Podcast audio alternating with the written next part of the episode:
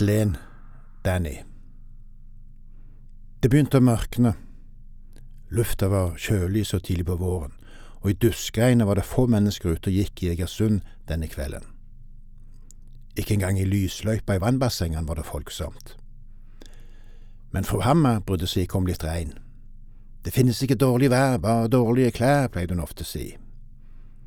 Dessuten måtte Chia, hennes elskede lille chi-hua-hua-hund, luftes hver kveld. De gikk ikke nødvendigvis så langt.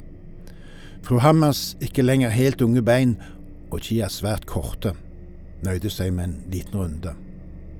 Nå var de nesten tilbake til bilen på parkeringsplassen. Plutselig hørte hun en lyd bak seg. Sannsynligvis en jogger, tenkte hun. Hun stanset og skulle til å snu seg, da hun kjente et hardt grep i skulderen, etterfulgt av et kraftig dytt.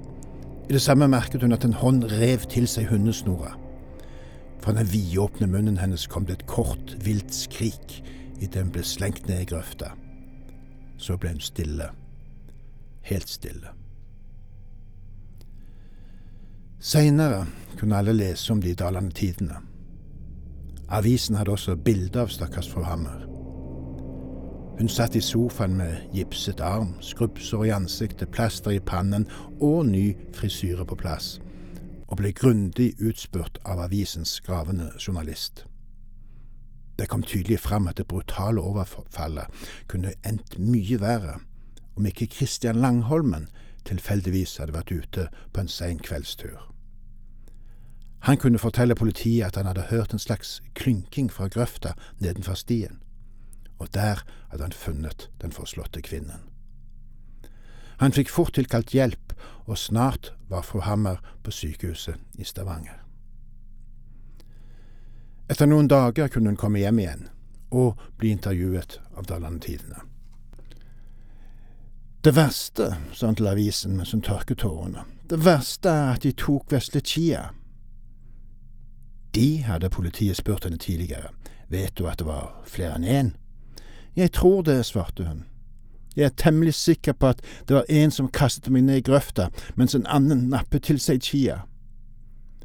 Men noen beskrivelse av de to kunne hun ikke gi. Det skjedde så fort, jeg fikk ikke sukk for meg. Også Christian Langholmen ble intervjuet hjemme på gården sin på Helleland.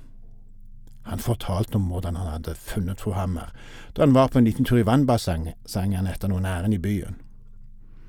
Og kona hans, Laila Langholmen, kunne fortelle om en oppskjørtet helt som hadde kommet hjem sent fra bytur den kvelden.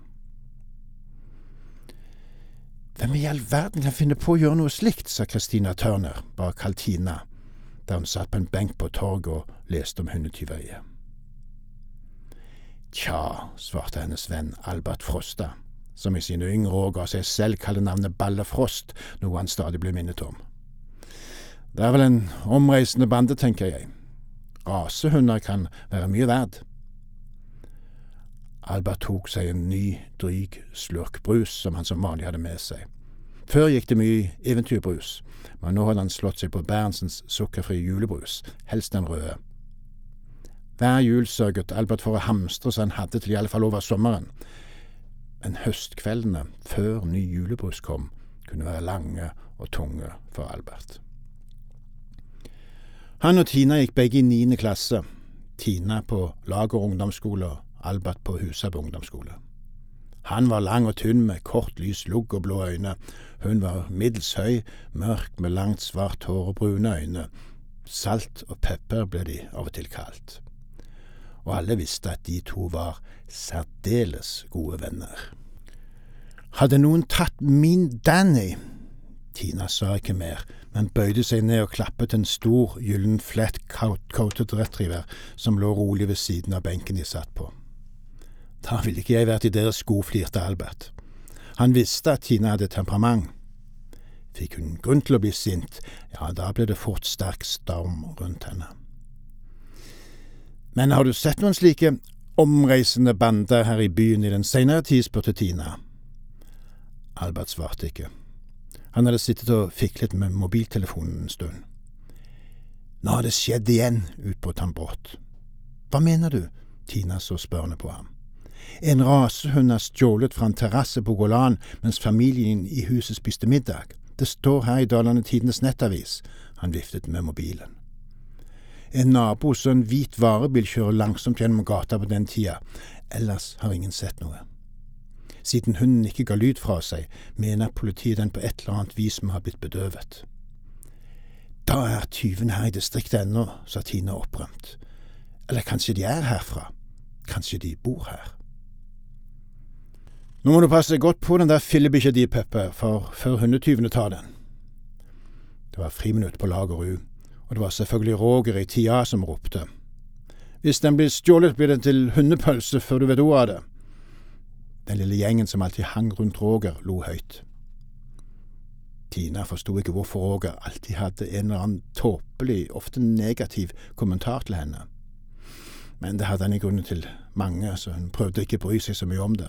Samtidig var hun litt redd Roger.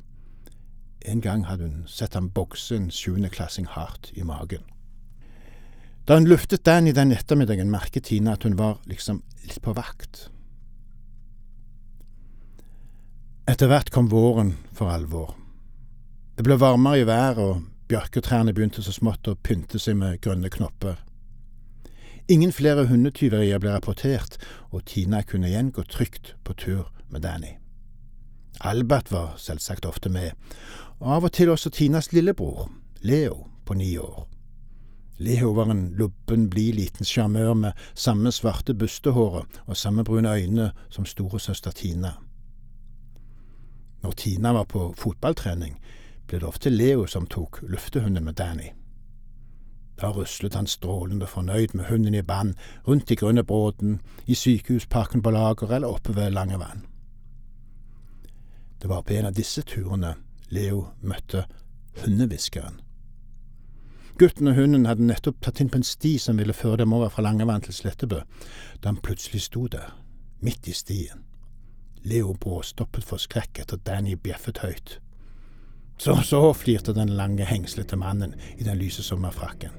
Meg trenger du ikke være redd for. Han bøyde seg ned og klappet Danny, som straks logret ivrig med halen. Så satte mannen seg helt ned på huk og la ansiktet sitt inn mot Dannys. Slik ble de begge sittende stille lenge mens mannen snakket lavt til hunden. Brått reiste han seg opp og stirret på Leo. Jeg er hundehviskeren hvisket han selvfølgelig, med alvorlig mine. Men så lo han plutselig høyt. De lyse hårtustene hans sto rett til værs. Leo ville gå, men mannen stilte seg i veien. Det er en fin hund, sa han. Den skulle jeg gjerne hatt. Den er ikke til salgs, kom det kjapt fra Leo. Han stirret trassig på den underlige mannen. Nei, den er vel ikke det, sa mannen stille. Hva heter den? Danny. Igjen satte mannen seg ned på huk og la hundens hode inntil sitt. Leo hørte at hundehviskeren hvisket igjen, men han kunne ikke høre hva han sa. Plutselig reiste mannen seg opp, satte et par blanke øyne i Leo og sa med et smil fortsatt god tur. Og så stimte han videre med lange steg.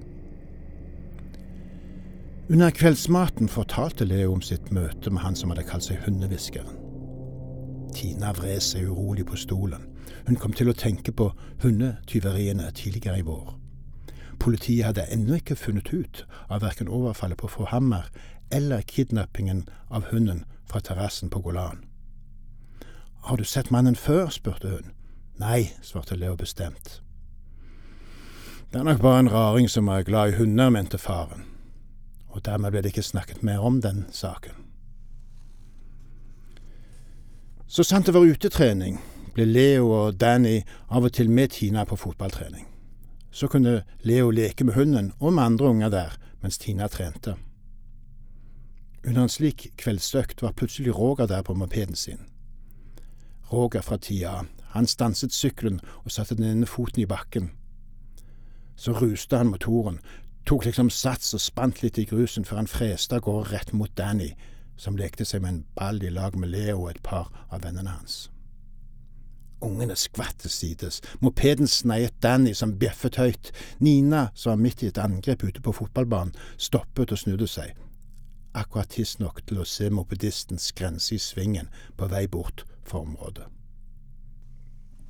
Det er fint å gå i skogen med Danny, tenkte Tina. Hun lekte at hun var jeger i jungelen. Eller kanskje en indianer som smøg seg fram i urskogen med sin trofaste hund ved sin side. En kråke flakset opp like foran henne og slengte sitt velkjente kra-kra fra nebbet. En ram, tenkte indianer-Tina, og løftet hodet for å følge fuglen med blikket. Hun hørte det knakte i en kvist. En leopard, tenkte Jungeltina. I det samme kjente hun at den ble holdt fast bakfra. Hun ville skrike, men noe ble lagt over munnen hennes. Det luktet Hun visste ikke hva. Hun visste ikke Hun visste ingenting. Annet enn at en voldsom redsel grep henne og holdt henne fast i grepet.